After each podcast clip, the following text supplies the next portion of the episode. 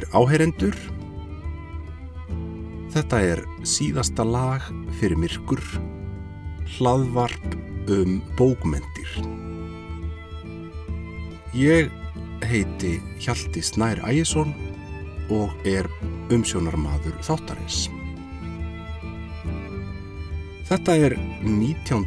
þáttur og að þessu sinni ætla ég að ræða um bókina Þormóður Torfason, Dauðamaður og Dáður Sagnarittari eftir Bergsvein Birgisson.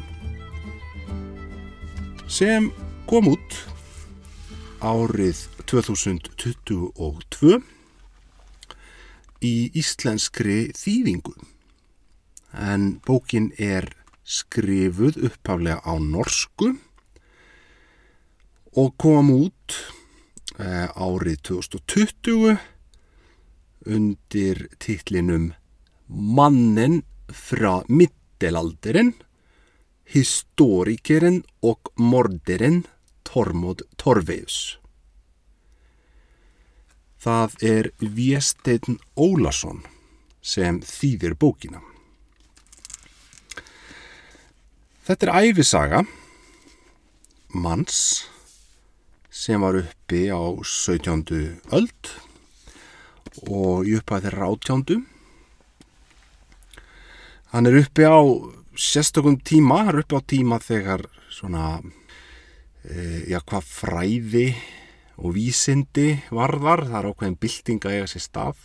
Menn er að færast frá e, svona hefðum miðalda yfir í nútímalegri aðferðir og hann stendur sem sagt á ákveðinu tímamótum.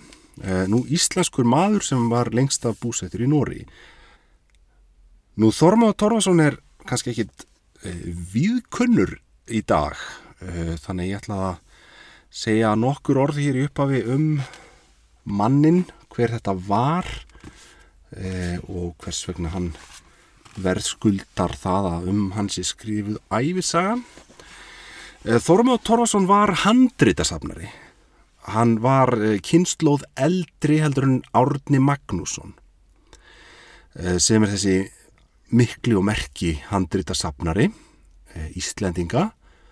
Maðurinn sem sapnaði saman öllum handritunum sem við höfum varveitt frá miðaldum, já, öllum þeim merkustum björgaði þeim frá glötum og þetta handrita sapn árna var síðan svona kannski einn helsta rauksemdin fyrir því að Íslendingar gætu orðið sjálfstæð þjóð. Árni Magnússon er gríðala merkilur e, í Íslasögunni og e, það, það vita það allir en Þormjóð Torfason er svona já, kemur á undan, rýður brautina og er að gera svipa hluti en sem sagt kynsluð fyrr, nokkur áratöfum á undan og hann er ekki eins effektífur og hann er ekki eins heppin. Um, aðstæðunar eru kannski ekki alveg nógu góðar heldur, það breytist margt á þessum áratöfum sem skilja þá að. Þessi menn, þessi tveir menn eru líka svona kannski fulltrúar tveggja tíma eins og er nú rakið í bók Bergsveins. En uh, Þormóður sem sagt er fættur árið 1636 hann er fættur 27 árum á undan árna. Uh, í Engei, hann er af höfingja ættum. Uh, sagt, eftir námi skálaldsskóla þá var hann ráðinn til Danakonungs bara við dönsku hyrðina vorið 1660 og þar starfaði hann sem þýðandi íslenskra fornrita og meðal hans þýttan flategabók sem var þá ný komin upp í hendunar á Danakonungi. Var svona Brynjól Biskup sem að e, gaf e, konungi flategarbók e, sem kunnugt er og henni var síðan þetta ekki skilað fyrir henni þarna 1971. Nú síðan flytur Þormóður til Noregs og starfar frá árinu 1664 sem svona einhvers konar eftirlitsmaður eða fjármála stjóri í Noregi. Hann býr í Karmei eða Körmt lengst af og giftist þar konu sem heitir Anna Hansdóttir. Hún er ekja og er já, ræður stóru búi sem að Þormaður tekur þá við með hjónabandinu síðan uh, verður hann fornfræðingur Danakonungs frá 1667 en svo gerist það árið 1671 að hann verður manni að bana. Og uh, þetta var auðvitað ekki án afleðinga uh, hann stóð til að taka hann af lífi en fyrir einhverja mildi þá bjargaðist hann og slapp undan döðadómi síðan uh, á síðustu árum æfisinnar starfar hann við það að skrifa sögu Noregs geysilega mikið og stort verk sem kemur út á latinu uh, í lók 17. aldra og í upphafi þeirra átjándu og hann deyr árið 1719. Þetta er uh, merkilegt lífslaup og dramatist að mörguleiti.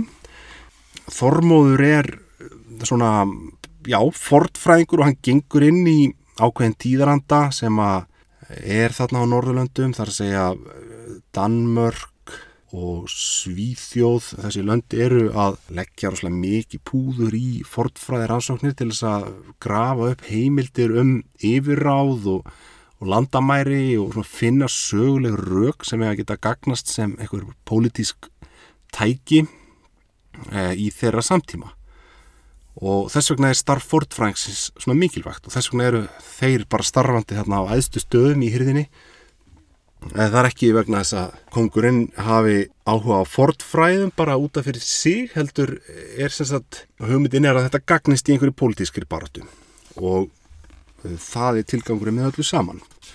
Nú eins og gengur þá er heimildaskortur vandamál þegar æfið þormóðar er annars vegar og Bergsveitin þarf að leysa alls konar flækjur og vandamál og hann gerir það á hugvitsamlegan hátt og finnur ímsar sníða og lausnir sem ég rek betur hérna á eftir. Rítunar aðferð bókarinnar er óhefbundin, svo ekki sem meira sagt. En áður en ég kannski byrja á því að rekja sjálfa bókina, eða fari gegnum hana svona, spjaldar á milli, þá láka mig að ræða aðeins um annað verk eftir Bergsvein sem skiptir máli hér vegna þess að það er eins konar manifesto hans um það hvernig hann starfi sem fræðumæður og alltaf þegar að súleis heimildir e, eru til þá er mjög eðlilegt að maður skoði þær og reyna að nota þann mælikvarða sem fræðumæðurinn e, notar á sjálfan sig til þess að meta hans verk það sem ég er að tala um er grein sem byrtist í skýrni árið 2019 og heitir að skrifa með báðum heilakvelum akademísk orðræða mannsheilin og hýð mannlega. Þetta er grein sem vakti nokkra aðtegli þegar hún kom út. Eh, hún skiptir líka máli fyrir Þormóðarbókina hún er skrifuð þarna á ja, byrtist þarna á sama tíma og hann er að vinna að bókinu þannig að það er það er mjög eðlilegt að álíkta sem svo að hann sé að nota kannski já, aðferðin sem hann lýsir hér að hún sé þá ríkjandi í bókinni um Þormóð.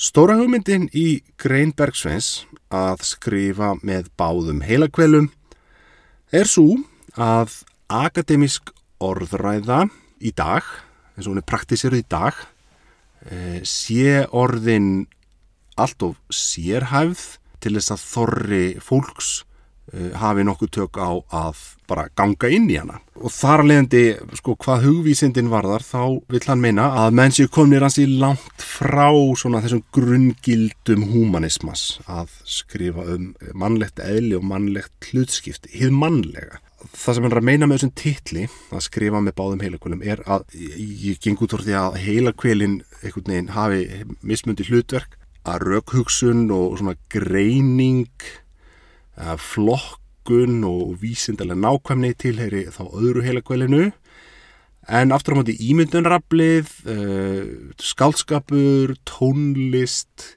svona hitt draumkjenda og listræna það sé þá tilheyri þá hínu heilakvælinu ekki skamma mig þó ég sé ekki með þetta á hreinu ég er ekki alveg inn í þessum þessari líffræði en allavega þetta er hugmyndin að að það hafi orðið klopningur og nú séu fræðimenn bara að analysera og skrifa þurrt og þeir passa sér á því að blanda ekki sjálfum sér inn í skrifin og það sé bara alltaf talið óæskilegt og fyrir vikið sé akademian komin í einhvers konar ógöngur.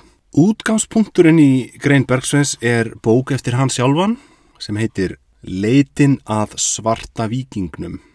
Kom út árið 2016 í íslenskri þýðingu og skrifið á norsku uppálega. Heitir Den svarte vikingin kom út 2013 sem sagt saga um uh, Geirmund Heljarskinn og þetta er svona kannski magnum opus Bergsveins hingað til. Og hann notar sjálfa sig sem svona dæmi um það hvernig væri hægt að skrifa með báðum heilakölum sem sagt að nota ímyndunraflið lefa sér að hrífast af heimildunum ímynda sér hluti nálgast efni kannski með aðeins opnar í huga heldur en ströng fílólógia gerir ráð fyrir og leifir. Það er svolítið skrítið að lesa það sem hann segir um viðtökur bókarinnar. Hann fullir þér það að bókin hafi ekki hlotið mikla aðtegli þegar hún kom út á Íslandi og hann þykir það miður vegna þess að að baki henni líki gríðarlega mikil vinna og og hún sé, já hann er rauninni gefið það í skín og eða segir það bara beint út, ég mann það nú ekki, að eh, skýringin á þessu meinta fálæti uh, gagvart bókinni sé bara það að fólk er ekki tilbúið í svona framústefnulega aðferð eins og hann uh, temur sér við að miðla sagfræði og norrænum fræðum. Uh, þetta er vægast sagt umdeilt og Bergsveini hefur verið svarað Eh, þessari grein hefur verið svarað og ég minnist þess að svo umræða fóð nú fram á samfélagsmiðlum þegar grein kom út og er væntalega mestuleiti glötuð í dag eða dreifð svona þannig að það er erfitt að nálgast hana en þó má segja að já, það kom grein þarna í sama ár í bara næsta hefti skýrtnis sem er svar við Bergsvenni og er eftir Arngrím Vítalín, grein sem heitir Skrifað með öðru heilakveli, boblandi í spiritus. Aðfinnslur við aðfinnslur Bergsveins Birgissonar.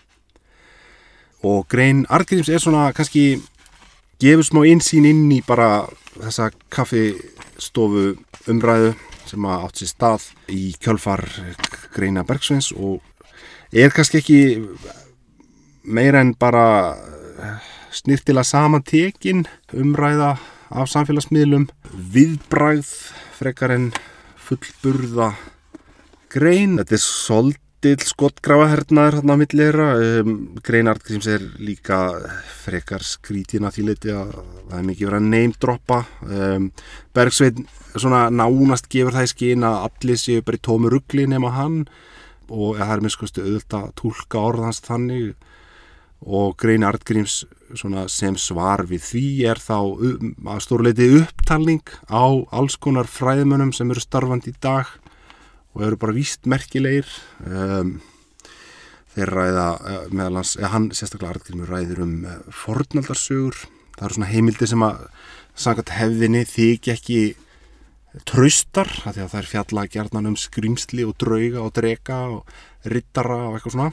En þeir eru sammálum það, Artgrímur og Bergsveitna, það er þráttur allt hægt að finna hins sögulega kjarna í slíkum sögum og lesa þeir líka svona með glerum sagfræðinar eða út frá hugafarsögum þannig að það er svona miðaldafræði miðjan sem er ríkjandi í grein Artgríms nú á síðan árið 2022 sama ár og Þormós bókin kom þá byrtist önnur svargrein við Grein Bergsens eftir uh, Ólaf Pál Jónsson heimsbygging grein sem heitir manneskjuleg vísindi uppdeiling manneskjunar jáfnvel útrýming hennar eða ekki.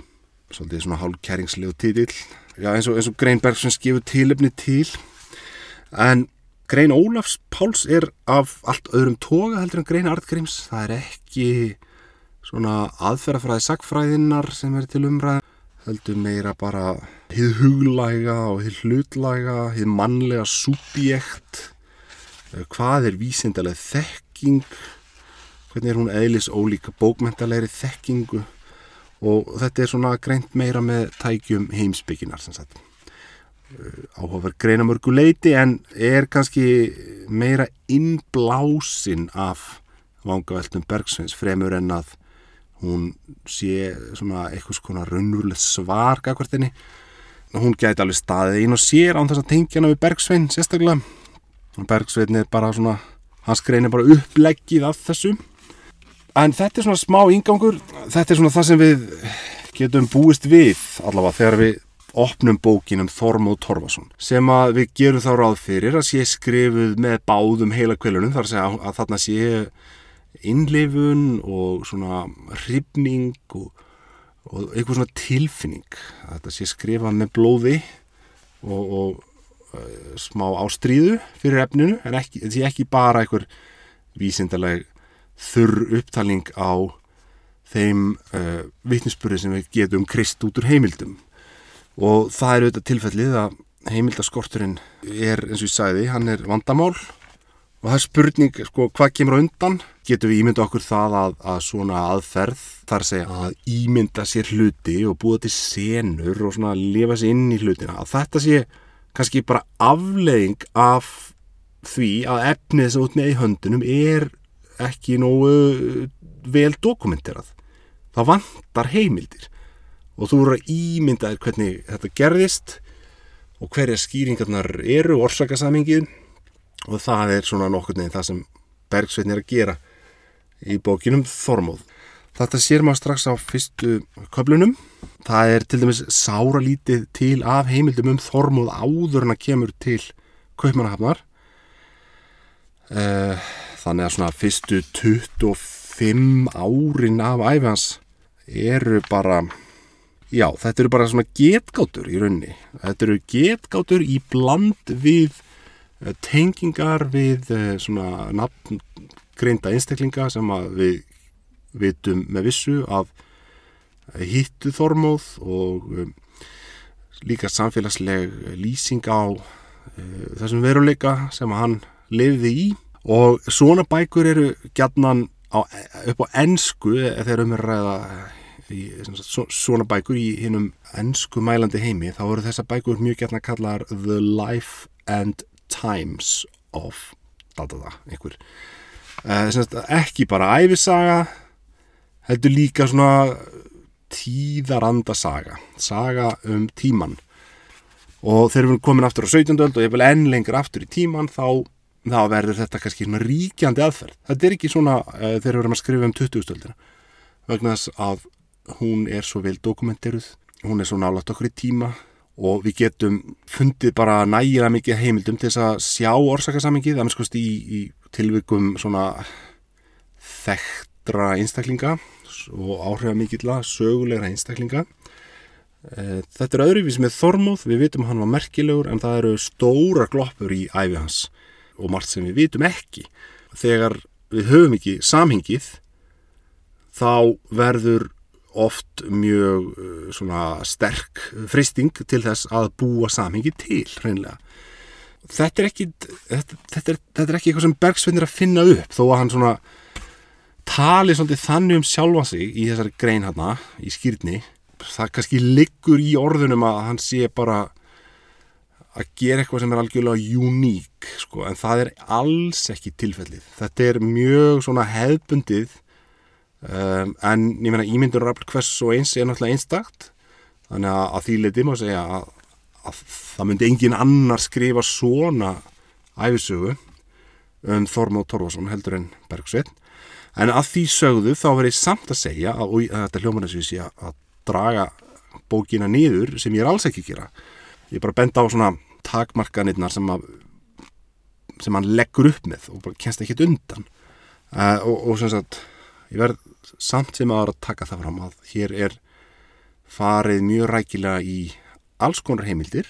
Nú Már Jónsson sagfræðingu skrifaði dóm um bókina sem byrtist í sögu árið 2021 og þá um norsku bókina sem sagt, þetta var þá áður en íslenska bókin kom út uh, og gaggrindana meðalans fyrir það að hér sé ekki verið að nota nægilega er heimildi sem eru þó til frá setni stigum æfi þormáðar, til dæmis samskipti hans við Árna Magnússon það er mikið til á brefum á milli þeirra og uh, það hefði verið hægt að, ná miklu meiru út úr þeim segir Már og hann lætur það líka að fara í töðunar á sér að Bergsveitin sé að ímynda sér alls konar hluti og skálda upp einhverja senur sem að engin fótur er fyrir í heimildum. Þa, það er skiljanlegt og eðlilegt en, en svona það, það er kannski debatt sem næri eitt lengra. Bergsveitin er alveg heiðalegur með það hvernig hann vinnur og hvað aðferð hann notar. Og ef fólk samþykir ekki svona grunn atriði þeirrar aðferðar þá er ekkert meira en það að segja. Þá bara er þetta ekki bók fyrir þig þannig að maður þarf svolítið að stilla sér inn á og svona gefa sér, ok, það, hér verður eitthvað svona fengi á ferðinni svona ímyndunar rappl og frekar en það að þetta sé bara algjörlega sögulegt og nákvæmt. Þetta er samt líka sögulegt og nákvæmt. Þetta er allt í bland. Uh, uppafið um, er kunnulegt það er sem sagt Eh, talað um forföður Þormóðar og sérstaklega föður hans sem var harðsnúin Torfi Erlendsson. Hann var umbóðsmaður danskra ennbættismanna og hann var síslumadur sem þýðir að hann þurfti að innhemta skatta fyrir konung og hann var þekktur fyrir að vera mjög harður. Það var, var engin auðmingja geska hjá honum. Það eru líka, það er líka farið aftur, aftar í ættir, talað um avans og, og, og svona fleiri forfeyður og út frá því sem við vitum um þessa menn þá er reynda álíkta eitthvað um skapgerð og eðli þormóðar. Eh, þetta er mjög svona 19. aldarleg aðferð til að skrifa æfisögu. Byrja á forfeyðurunum og svona til að gefa tóninum það sem koma skal og ekkit að þessu, ég er ekki að segja það nú þetta er tími einogunum vestlunarinnar og Bergsveit náttúrulega tekur að sér að útskýra hana cirka hvernig hún virkar. Hann byggir þar aðla á Gísla Gunnarsinni sagfræðingi og reyndar líka á Ragnhildur Traustadóttur forlega fræðingi þetta er náttúrulega efni sem margir þekkja þar sem þeir sem eru svona sæmila inn í Íslandsvögnu vita nú svona cirka hvað einogunarvestlunin var og hvenar hún stóð yfir og þannig en Bergsveit fer alveg í smáatriðin í þessu og það er bara ágætt vegna þess að kannski er sögþekking Íslendinga ekki jafn góð og hún var fyrir 50 árum. Og það hefur kannski verið talið óþarfi hjá þeim sem skrifaði um þetta tímabil fyrir 50 árum að fara svona rækila í þetta. Nú, það, við, við þurfum líka að hafa það í huga bókin er skrifið á norsku, hún er skrifið fyrir norskan lesendahóp. Þannig að það eru hlutir sem segja sér sjálfur fyrir okkur Íslendika við vitum alveg hver Hallgrumi Pétursson var eða Brynjólu Biskup þá þarf ekki að kynna þá neitt sérstaklega fyrir okkur. En um, mér fannst þetta samt ekki koma sög uh, þetta er smeklega gert og ég hugsa að þessu hafa ekki verið breytt mikið í þýðingunni.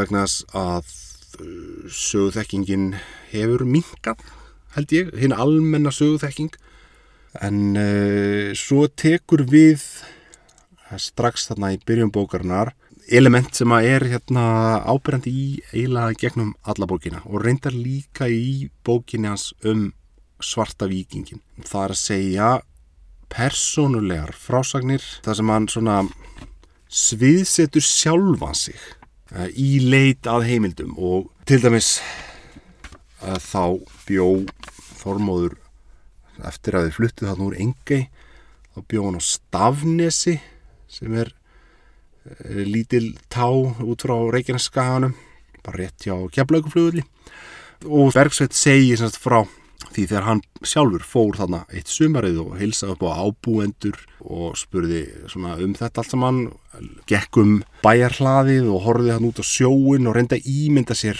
hvernig þetta hefði allt saman litið út rúmlega 300 árum fyrr Já, það er tæplega 400 árum fyrr. Þetta er svona kannski eitthvað svipa á það sem í bladamennskunni er kallað gonzo bladamennska. Svona bara blanda sjálfum sér inn í efnið útskýra það hvaða áhrif og hvernig það er að lappa inn í einhverja senu, inn í viðtalið sem vorst að fara að taka hvaða tilfinningu þú færð þegar þú hýttir viðmeðlandan og eitthvað þess áttar þetta er alveg ágætt hjá Bergsvinni þetta er kannski eitthvað sem svona virðulegri sagfræðingar gætu látið farið töðunar á sér. En þetta getur alveg virkað og þetta getur verið skemmtilegt. Þetta opnar á kannski einhverja tólkunulegðir og Stafnes er enþá á þeim stað sem það var og eh, sjórin hegða sér væntalega svona í megin atriðum eins núna eins og hann gerði þegar Þormóð Torvason var lítill. Það er hins vegar nokkur dæmi um þetta sem að einhvern veginn um, missa margs Eh, þar segja þegar Bergsveitni er með þessar persónlu frásagnir sínar og það bætir litlu eða yngu við það sem hann er að reyna að segja um eh, sagfræðilega viðfangsefnið. Uh, og lítur kannski meira bara út eins og mont sko, eins og sé að sína að, að hann hafi komið á þessa staði. Hann segir limins frá því þegar hann var ungur að týna egg í engei hann segir frá því þegar hann kemur til flategar og líka frá því þegar hann horfir á stittu í Amsterdam. Og þetta er bara svona krydd sem að einhvern veginn skilar voðalega litlu. Það er ekki að sama persónlega frásögn og persónlega frásögn. Þetta, er, þetta getur virkað en þetta getur líka bara verið svona suð í frásögninni. Eitthvað sem að væri bara hægt að sleppa þannig síðan og strangur rittstjóri hefði kannski bara þurkað út. Nú eins og ég sagði þá áðan þá er hérna líka smá tendens í svona æfisögum þar sem við vitum kannski lítið um stór tímabil í æfi viðkomandi þá er smá tendens til að, að tengja frásögnina inn á þekta sögulega einstaklinga sem við vitum eitthvað um.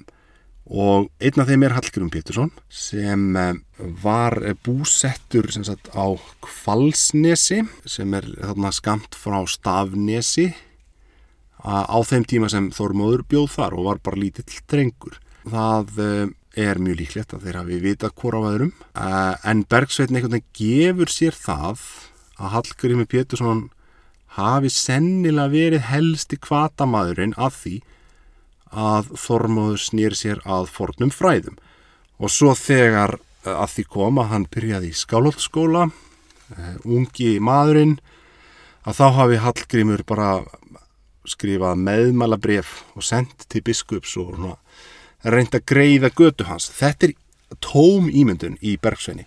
Gæti hafa gæst, en gæti flokkast sem dæmi um eitthvað þar sem hann fer aðeins og langt með ímyndunraflið. Hann eigði það miklu púður í þetta og hann veðjar það mikið á þennan möguleika. Mann finnst þetta kannski full djarft og það er líka, þegar hann er komin í skáhaldskóla þá er talað um að þar sé ala latína og guðfræði á dagskrá en engin Íslandssaga og það er það efni sem náttúrulega Þormóður tilengar sér setna á æfinni eða skulum segja fortsögur, konungasögur aðalega, sögur hérna fortnu konunga sem voru þá auðvitað valdhafar yfir Íslandi. Þetta er eitthvað sem hann gæti hafa lært hjá Hallgrími Pétursinni, segir Bergsveit.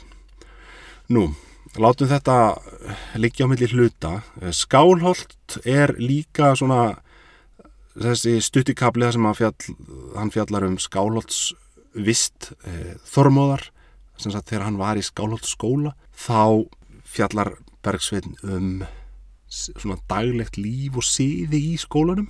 Það eru yngar heimildir um sagt, nákvæmlega að þormóður gerði þar maður ímynda sér bara að þetta hafi verið svona típisk skólaganga. Og það er eðlilegt að gera þetta. Hann reyndar segir á einu stað að, að hann er að lýsa hérna, mataræði drengjanna og notar þar heimild sem að geymir matseðil eða lýsingu á því hvað þeir fá að borða. En svo heimild er frá því um 1750 hún er alveg 100 eh, árum yngri og Bergsveit bara segir eitthvað eins og þetta hlýtur að hafa verið óbreytt þetta hefur væntilega ekkert breyst þarna á milli eh, á þessum árum sem líða þarna á milli. En það er alls ekki hægt að gefa sér það. Það er svo margt sem breytist og sérstaklega í skálholti þarna í upphafi átjóndaldar mm, mér fannst þetta svona óþarfi það hefur hægt að sleppa þessu það er enginn þörf á því að hafa þetta. En allavega, hann heldur áfram með svona það hvernig fortfræði áhugin gæti hafa kviknað. Það eru bækur í skálhaldi, Brynjólfur biskup var mest í bókasafnari landsins, hann átti flaterbók, hann átti konungsbók eddukvæða og Þormóður er þarna í skálhaldi áður en Brynjólfur gefur Danakonungi þessi merku handrit og auðvitað gætan hafa fengið eitthvað viður af þessu um, maður verður svolítið varfið sko þetta gæti hafa gæst og kannski og hugsanlega og þetta er allt svona voðalega mikið í viðtengingarhætti og ef maður myndi taka yfirströkunarpenna og líta gulan lít yfir alla þá staði í bókinu þar sem er orðað eitthvað eins og Þormóður gæti hafa gert þetta og þetta kann að hafa verið svona kannski hugsanlega allir þessi varnaglar. Þá er ég hrættur um að bókinu er því ansi fljótt út krótið, þannig að þetta er út um allt. Þetta er allstaðir í bókinu og sko þegar maður er sko áður en sem sagt kaupmannahafnar dvölin byrjar þá er eins og maður sé bara að lesa einhvern veginn ekki neitt. Þetta er bara saman saumað svona af tilgátum og tengingum við stormenni sögunar og félagssögu, daglegt líf og síði hvernig en álegtað út frá líkum fyrst og fremst Eitt af þessu vekur aðtegli þegar maður les og það er þetta sem er sagt um galdramál. Það gerðist sem sagt í skálhaldi árið 1650 að það finnast eh, galdrastafir eða svona galdra eh, heimildir og dót hjá einhverjum skólapiltum sem voru að fykta við þetta og þeir voru reknir úr skólanum. Þetta er staðrind. Nú það er líka staðrind að Þormóður var einu ári lengur í skálholtskóla heldur en venjan var. Skólavistin var venjulega 5 ár en Þormóður var í 6 ár í skálholtskóla.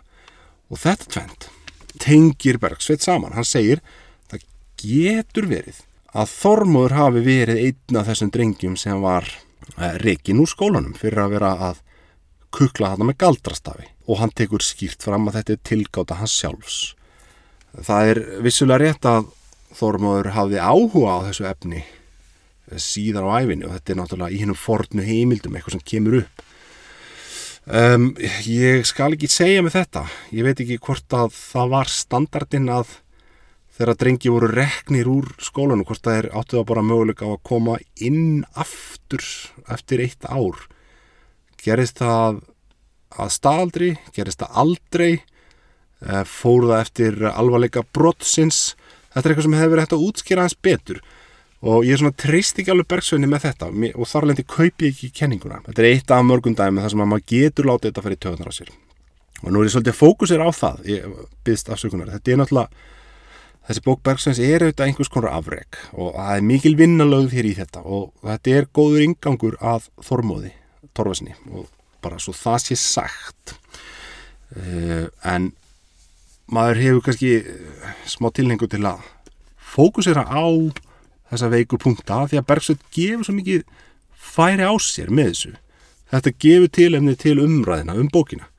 En hann er heiðalur og oftast nær útskýran eða þá að það er alveg augljóst af samhenginu hvað er ímyndun og hvað er sagfræðilegt og þetta er sko, stundum hittir hann í mark líka. Og mér finnst til dæmis gott þegar hann segir frá því þegar Þormóður fer út til Kaupmannahafnar. Eh, þá vittnar hann í Brynjólbiskup og bref sem er til og varðveitt og með þessu útgefið bref á latínum eh, sem að Jón Helgason gaf út og, og hafði með ingang á íslensku þar sem er svona samantekt væntilega hefur Jakob Benediktsson gert hana sem sagt þetta er ekki nákvæm þýðing á öllu brefinu heldur svona tekið saman helstu aðtrið sem koma fram í brefinu og það er það sem Bergsveit notar held ég fyrir ekkar en latínu tekstin sjálfur. Og í þessu brefi Brynjóls kemur fram að já, hann skrifar þetta til uh, manns sem heitir Lange uh, og er yfirbókavörður við hyrð Danakonungs. Og þetta er bref sem fylgir með gjöfinni, hann har að gefa flategabók og lætur brefið fylgja og segir að, nú væri eðlilegt og viðeigandi að gefa þessa texta út. Láta prenta þetta. Það þarf að gera þannig að frumtekstin standi öðrum megin norræni tekstin eins og hann er í handritinu.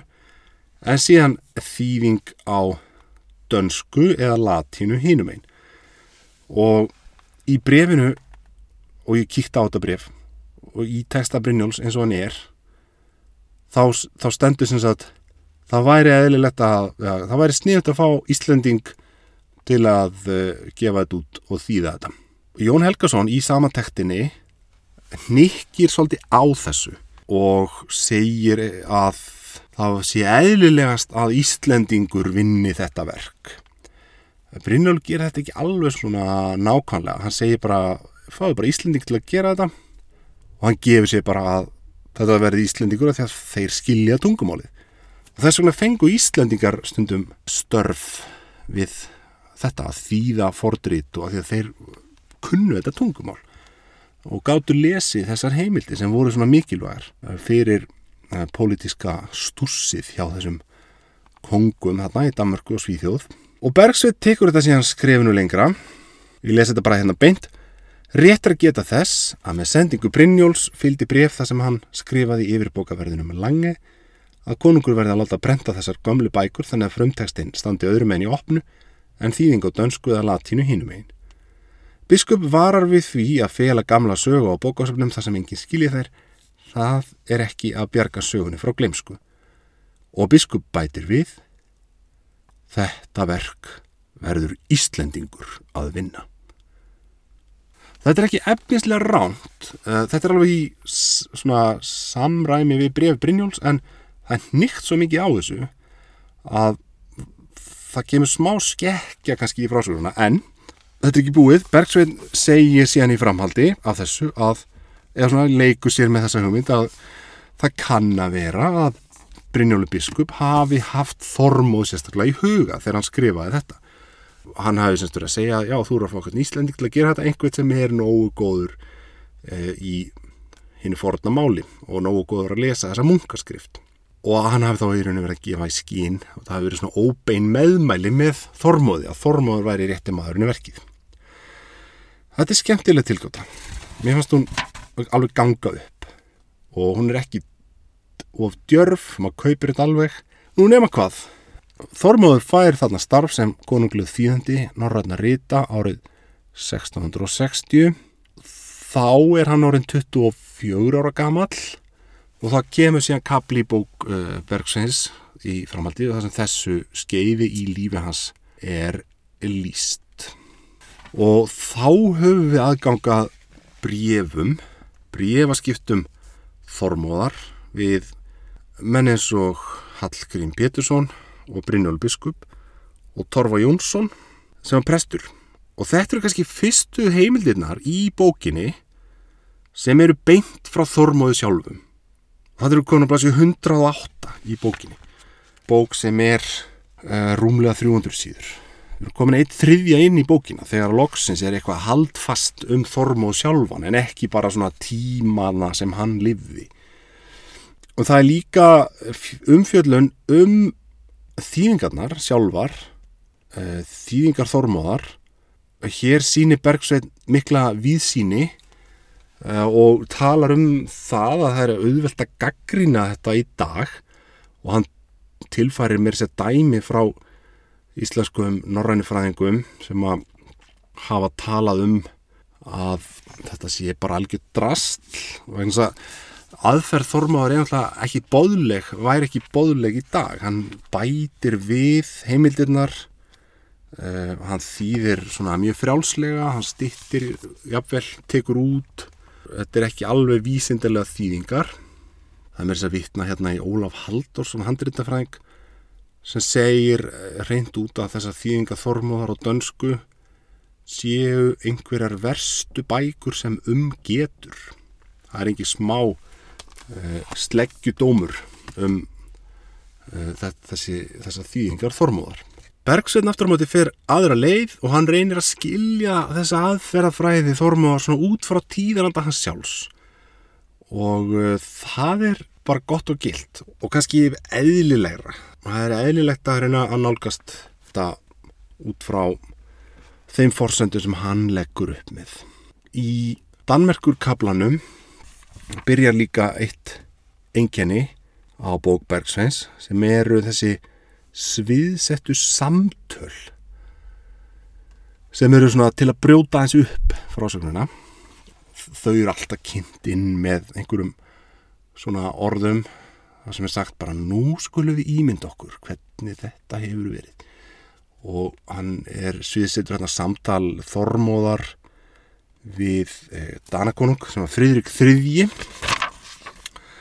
Fridrik Þriðji var svona fortfræðingur mikill, hafði mikinn áhuga á þessu og syndi þessu, þessu málum. Vafalist hafa átt sér stað margar skemmtilegar og fróðlega samræður á milli þessara tveggja manna ekkit að því er varðveitt en Bergsveit getur ekki stilt sig um að bara skrifa það upp og svona sviðsetja. Það kom bara svona litli leikþættir þar sem uh, hann uh, ta, uh, sem þeir tala saman. Allavega tveir, kannski fleiri. Og svo er líka setna í bókinu komu, kemur sviðsett samtala á milli Hans Þormóðar og Árna Magnússonar. Það kemur líka í Noregs árunum þannig að þegar hann er einn og einan graður í sveitinni kemur samtal við Kú og þetta er eitthvað sem hann gerir líka í bókinu Svarta vikingin þetta eru svolítið svona flipaðir kablar um, og bara ágættir til síns brúks. Smá svona hugarflug út frá heimildunum. Nú en síðan gerist það sem sagt að þegar Þormó eru búin að vera þarna í frekar stuttan tíma við hyrðina ég held að það sé bara tvö ár. Já ég mann ekki hvort það er tvö að þrjú ár. Þá allavega er hann rekin eða semst, já hann fer. Hann er fluttur. Hann fer nýtt starf. Hvort sem hann gerir það sjálfstáðum hvort sem hann er rekin og hvað svo sem veldur því. Allavega er hann starfandi sem þýðandi konunglegur þýðandi fornrita í örstuttan tíma. Og eitthvað hefur valdið því að hérna, hann er látið fara eða fer sjálfviljúur til Noregs til Stavanger þar sem hann býr næstu árin 1664 til 1667 og uh, hann fær það sem sagt nýtt starf sem er eftirlitsstarf.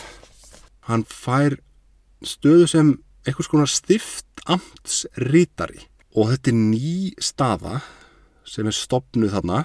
Og þetta er, tilgangur með þessu er að hafa eftirlit með fjármálum hjá fókitum uh, í þessu stift amti og uh,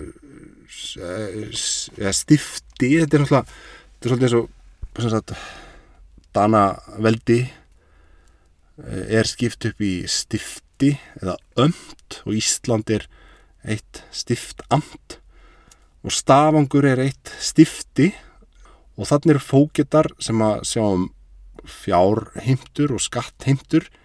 Það verist að veri gengdarlaus spilling þannig að Stafangir ekkit síður en á Íslandi þar að segja fókettarnir eru svona byrtingamind flest, uh, svo byrtingamind sem flest fólk hefur fyrir augunum á sér af konungsvaldinu, svona dagstælega þar sé að fókitarnir þeir innheimta skatta og þeir er ekki greitir með peningum nema í algjörum undantekningatilvikum, í, langflestum tilvikum er þetta greitt í vöru þar sé að í vaðmáli eða öðrum annari vöru eða fiski. Og fókitarnir skilst mér að hafi reiknað þetta allt eins ódýrt og í gátu þegar þessu var skilað inn e, og pínt fólk þannig að þrælaði hana og skilað inn öllu, eða, öllu sem þurfti og svo var það bara reiknað niður og var talið lítilsvirði og síðan seldu fókjartarnir þetta aftur fyrir já bara á uppsprengtu verði og hýrtu mísmunin sjálfur, stungunum bara í vasan þetta var eh, gríðalega svona spilt og rótið allt saman. Og Þormóður og það, semst, þarna verast menn í hýrðinni gera sér grein fyrir vandamálunum og það er búið til þetta nýja embætti sem er svona eftirlit með fjármálum fókita Þormóður fær þetta embætti eh, sem hefur vafalust verið erfitt. Þetta er ekkit skemmtilega samræði sem hann þarf að eiga þarna við þessa fókita eh, og mennina sem hann er að hafa eftirlit með En það er eitt af því sem við vitum ekki, sko, hver, sagt, nálgun Þormóðar sjálfs eða skoðun hans á þessari stöðu. Hvað fannst honum um þetta? Var hann á, ánaði með þetta eða, eða var þetta eitthvað svona útlegð fyrir afbrot að hann skulle vera, hafa verið settur í þetta starf? Þetta er eitt af því sem Mári Jónsson bendir á og hann er nú svona frekar á því að þetta hljóta hafi verið mikil upphefð fyrir Þormóð að fá þetta starf, þetta er nýtt embæti og bara valda mikið og bara svona frekar merkilegt embæti Bergsveitn aftur á móti gefur sér það að Þormóði hafi ekki líkað þetta sérlega vel og hann hafi verið settur í þetta embæti bara í refsingaskinni nú í refsingaskinni fyrir hvað, spyr einhver? Um það er að sjálfsögðu ekkert vitað en Bergsveitn veðjar á að það hafi verið vegna kvennamála. Hann hafi semst, haldið framhjá eða reynd að fleka einhverjar giftar konur við hyrðina og sínt af sér einhvern svona dónaskap e, móðgað e, einhverja valdamikla menn í höllinni með svona lauslæti sínu og þess vegna hafa hann verið uh, sendur burt til Stavanger, lengst upp í sveit. Burt frá hinnu ljúfa hyrði lífi til þess að taka við embætti sem er flott á pappirnum en veitir engin völd. Þetta er náttúrulega, já, ég veit ekki sko, þetta, þetta er í frásögn Bergsveins spyrt saman við þá staðreind að eina af þeim sögum sem Þormóður þýðir í starfi sínu sem konungluð þýðandi er bósasaga sem er svona klámsaga í, úr miðaldabókmyndum. Svo þýðing er meira segja ekki eins og varðveitt. Þetta er svona kannski svolítið hæpið að gefa sér það að Þormóður hljóta hafa verið einhver pervert uh, og kynferðislegur predator bara út af það að hafa þýtt bósasögu. Hann gerði það vissulega, hann þýtti bósasögu við vitum það. En hér er verið að rapa að álíktunum og þetta er kannski einn af stóru punktunum hjá Má Jónssoni að hans gaggrinni á bókina. Eftir að ennbættin í Stavanger líkur já það er reynda rétt að geta þess að það er fleira nefnt uh, hvað var þar þessa breyttu hægi þormóðar. Þar segja uh, Bergsveit tengir þetta líka við einveldistökuna sem er hérna 1660 og hvað 1 að 2 á Íslandi Kópavóksfundurinn 1662 þegar eh, erðahýllingin fer fram alþingi í rauninni missir vald sitt, missir svona lögjafaldið og þessi eru öllu komið í hendu konunga og þessi breyting hefur það í förmið sér í Damörgu að aðalsmenn missa völd og þau völd fara yfir til konungsins sjálfs. Konungurinn verður innvaldur. Bergsveit leikur sér með þá hugmynd að aðalsmenninni sem ráða öllu þarna í, við hýrðina þeim hafi mislíkað þormóður, þeim hafi þótt hann komast full rætt upp metorastígan, hann er bara ennþá þarna á þrítus aldri íslenskur aðkomi maður sem, og þeim hafi staðið einhver ógn af honum.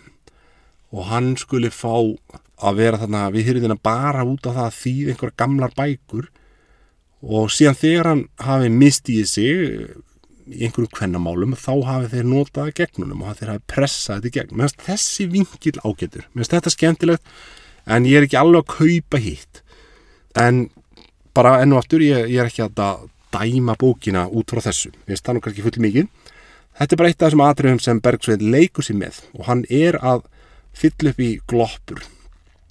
Og síðan heldur sagan áfram í stafangri Hann, eh, eins og ég nefndi áðan, giftist konu sem heitir Anna Hansdóttir og hún er eldri en hann og hefur átt tvo eigin menn áður og það er svona ákveðin um, afkomu grundvöllur sem hann fær uh, og það er alveg ljúst að þetta hefur verið hagsmuna hjónaband en það, er, það útilókar hins vegar ekki að þau hafi verið raunverulega ástfóngin þetta einhver bergsveitn allt saman mjög skilmerkilega nú hann fær stöðu aftur síðan við eh, sem, sem sagt, eh, fortfræðingur árið 1667 og gegnir henni til 1670 og þá verða konungaskipti í Danaveldi.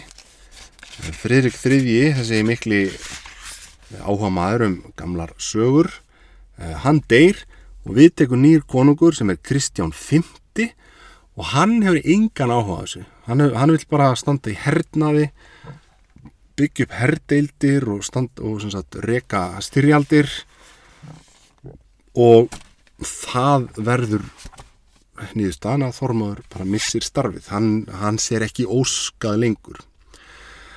Uh, nú síðan í kjölfarið þá uh, fer hann til Íslands til að ganga frá búi uh, dánabúi fóreldra sinna og sigli síðan aftur tilbaka.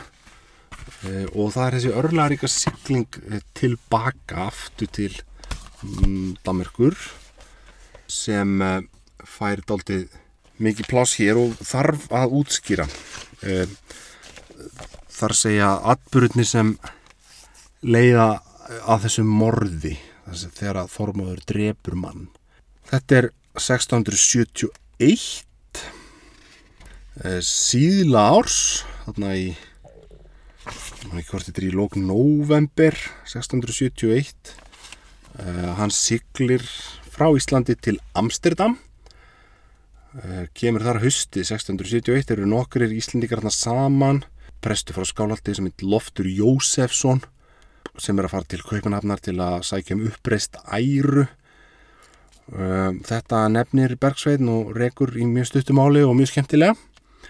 Og hverjir eru með honum í skipinu og síðan sem sagt siglaðir norður til uh, fyrir Jótland og svo lendar í aftakaveðri og skipi brotnar eða sekkur og þeir, þeim er bjargað.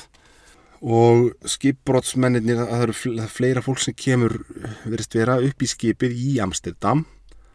Í þeim hópi er meðal annars kona sem heitir Sisse Annerstatter dönsk kona og annar maður sem heitir Hans Holbeck. Þetta fólk skiptir máli vegna þess að Hans Holbeck er maðurinn sem Þormáður drefur þegar þeir eru þarna í þessu volki og er búið að bjarga þeim úr strandinu. Það er erfitt að álíkta nákvæmlega um atbyrðarásina en eins og Bergsveit leggur þetta upp þá hefur þetta verið þannig að uh, þeir, uh, sagt, hans þessi er ástfangin af Sissi og hann mistúlkar einhvern veginn atbyrði næturinnar þannig að hann heldur að Þormóður sé að reyna að fleka konuna eða allir sér að sofa hjá henni og hann trillist og ræðst að Þormóði sem síðan stingur hann með nýfi bara í sjálfsvörn. Það sem er merkilegt við umfellun Bergsveins í þessu um þetta mál er heimildanótkunnin.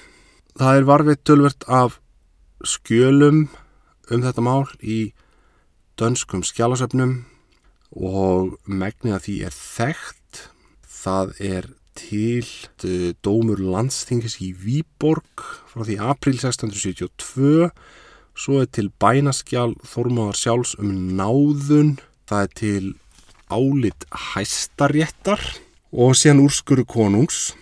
En aftur á móti hérastómurinn Eh, sem er svona kannski fyrsta gagnið í málinu, fyrsti, fyrsta plaggið sem er pródúserað á svona hinnu eh, lagalega sviði hefur ekki verið þekkt.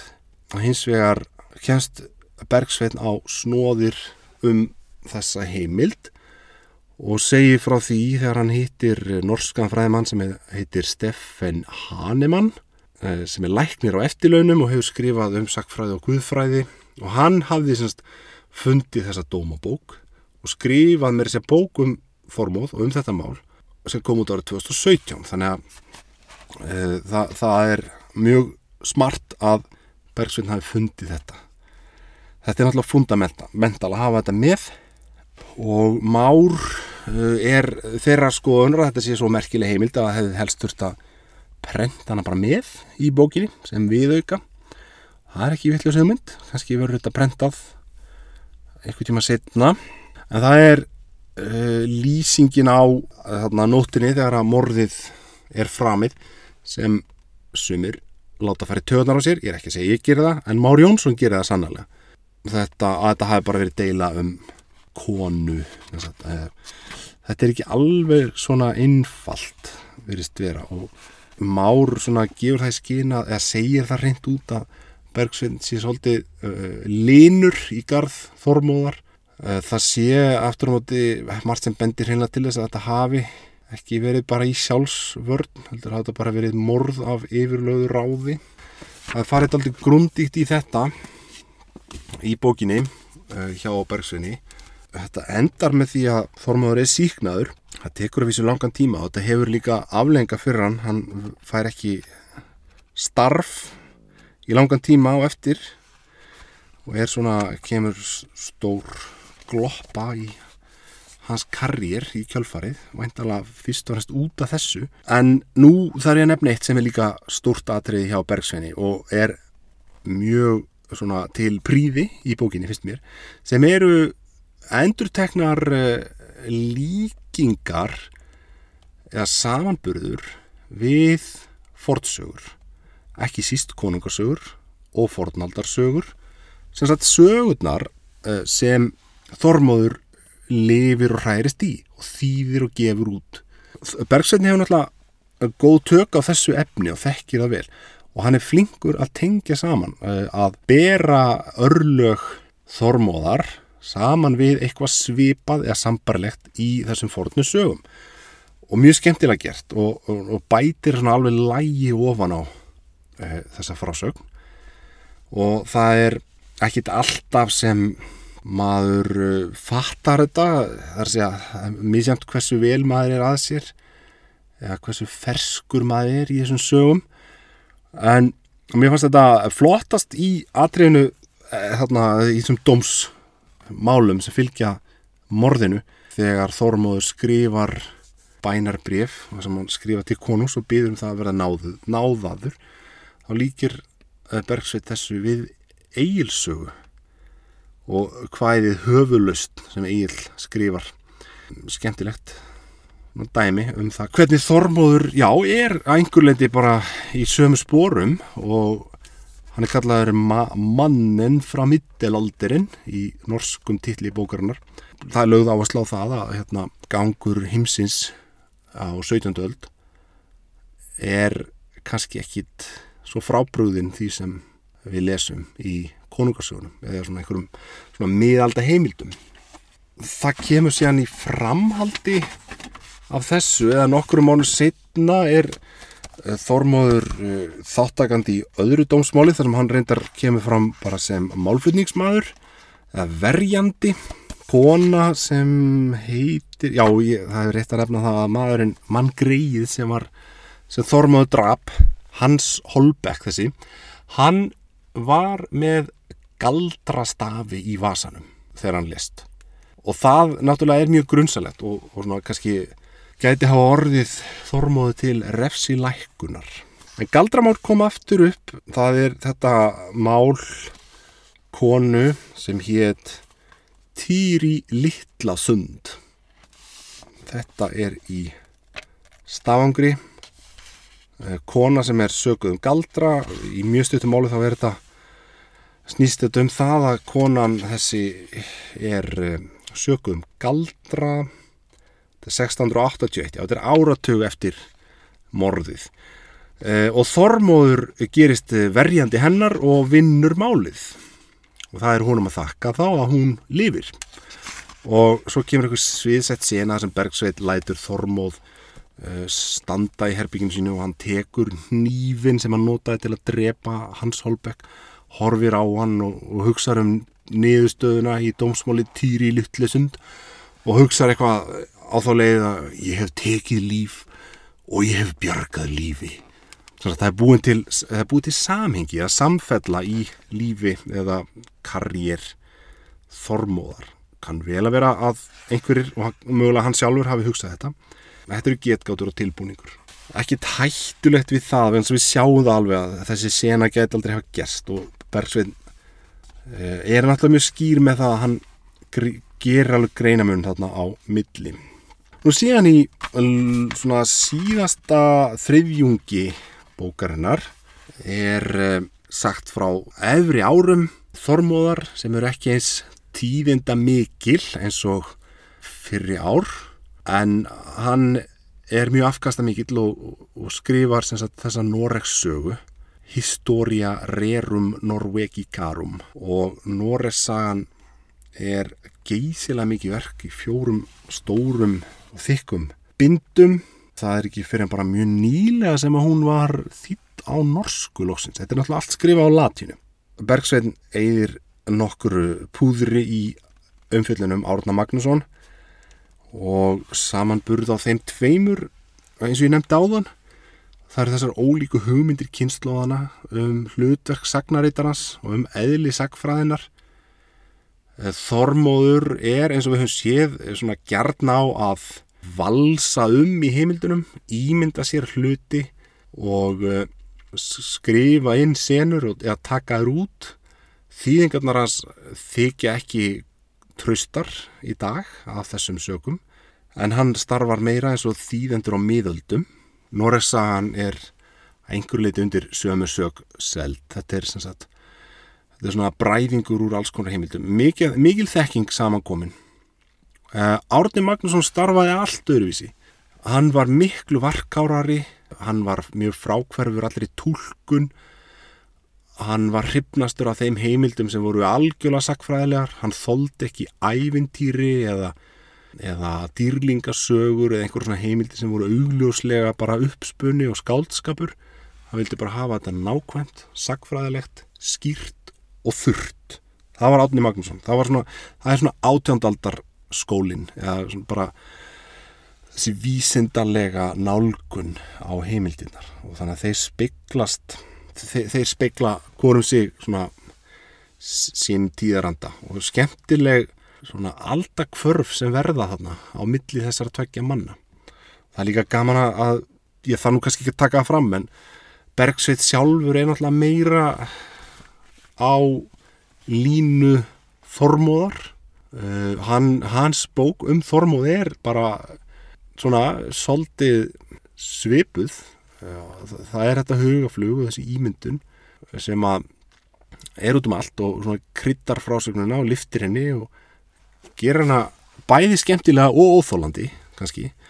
Árni Magnússon er meira svona eins og Már Jónsson kannski. Hann svona vill nákvæmni og skýrleika. En við þurfum líka að hafa það í huga að Þormáð dælir frá sér bókum uh, en Árni Magnússon gaf bara eiginlega ekki neitt út. Hann var sapnari hann, hann var ekki svona fræði maður. Hann, hann var svo varkár hann bara skrifaði mjög lítið. Einu, einu ríteimindin sem við höfum frá átna eru persónlega gögn. Fyrst og fremst bref en ekki ekkert útgefið efni eða mjög mjög lítið. Í lókinu vil ég nefna skemmtilega samlíkingu sem kemur hérna í lókbókar Bergsveins það sem hann líkir Þormóði við Herodótos Eh, gríska sagnarítanan og Herodótos er stundu kallað fadir sagfræðinar en hann hins vegar er mjög fantastískur og hann skrifar langa útrúdúra sem eru meira mannfræði eða landafræði, kannski heldur en sagfræði hann uh, skrifa líka um fórinjur og, og tröll og skrýmsli og alls konar yfir náttúrulega atbyrði og blandar svo öllu saman og rannsóknir Herodótosar eru alveg einstök bók koktill af, af alls konar furðum í bland við sagfræðilega frásögn um persastriðin. Nú síðan eh, líða árin og aldirnar og þeir grísku sagnarittara sem koma síðan, þeir temmið sér allt aðrar aðferðir og verða miklu vísindalegri og hætta að vera með þessa fantasíu og halda sér bara við sagfræðina uh, og þeir gera lítið úr Herodótosi, margi hverjir og, og, og sama með rómveska höfunda sem koma setna uh, þeir stimpla hann sem bara höfund íkjusagna eða legara og kannski svipuð örlög og Þormóður hefur orðið fyrir. Þess að Þormóður er rosalega brautriðandi en honum er hafnað oft vegna þess að hann hans aðferð er svo framandi og þykir ekki alveg bóðleg út frá svona gildum nútíma vísinda. Eh, Þetta er alveg briljant hjá Bergsveini að koma með þetta, bara láta sér þetta í hug. Og það er alls konar svona tengingar og vangaveltur og þetta er mjög lærður stíl hjá honum. Ég segi það bara hérna að lokum að ég hafi gríðarlega gaman að ég að lesa þessa bók. Og hún er fyrir þau sem vilja kynna sér handrita söfnun og svona þann jarðveg sem Árni Magnússon gengur inn í þá er þetta mjög gagleg lesning. Þetta er líka bara góður ingangur þetta er skrifa fyrir almenna lesendur og er mjög aðgengilegt. Ég gleyma nefna eina senu hérna sem er uh, ég held 1661 já þegar Þormaður kemur til Íslands til að safna handritum og við vitum ekkert um ferðir hans, það er bara talið líklegt hann hafi verið mest megnis á Vesturlandi og, og hérna Bergsveinn leikur sér með þá hugmynd að hann hafi semst komið að kvennabrekku í dölum þar sem Átni Magnússon fættist og bjó fyrstu árin. Og hann hafi hitt e, foreldra Átna þessi skemmtilega uppskáldaða sena henni er blanda saman við almenna kynningu á húmanismanum og á fornmenta stefnu húmanismans og bara renisans höfunda eh, 15. aldar eh, safnara ítalska fyrst og fremst og svona smá ingangur um þau mál og hvernig þetta byrja allt saman hvernig fornmenta stefnan varð til þessu er blanda saman við þessa skrýtnu og skemmtilegu frásögn um heimsókn eða meinta heimsókn þormóðar eh, á kvennabrekku. Og þarna sagt, er endað á því að þormóður rýður burt, eh, rýður úr hlaðinu.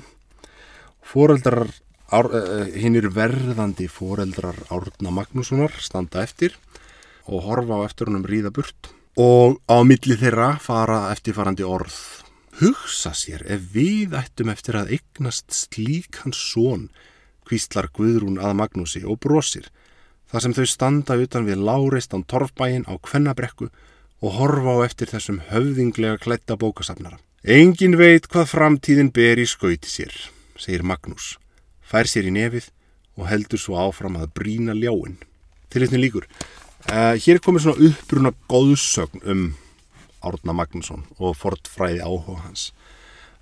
Það liggur undir þessu svo kunnulega hugmynd að Þormóð Torfason sé þá eins og Jóhannes Skýrari uh, sem riðubrautina og Átni Magnússon hins vegar Jésús Kristur uh, sá sem fullkomnar verkið.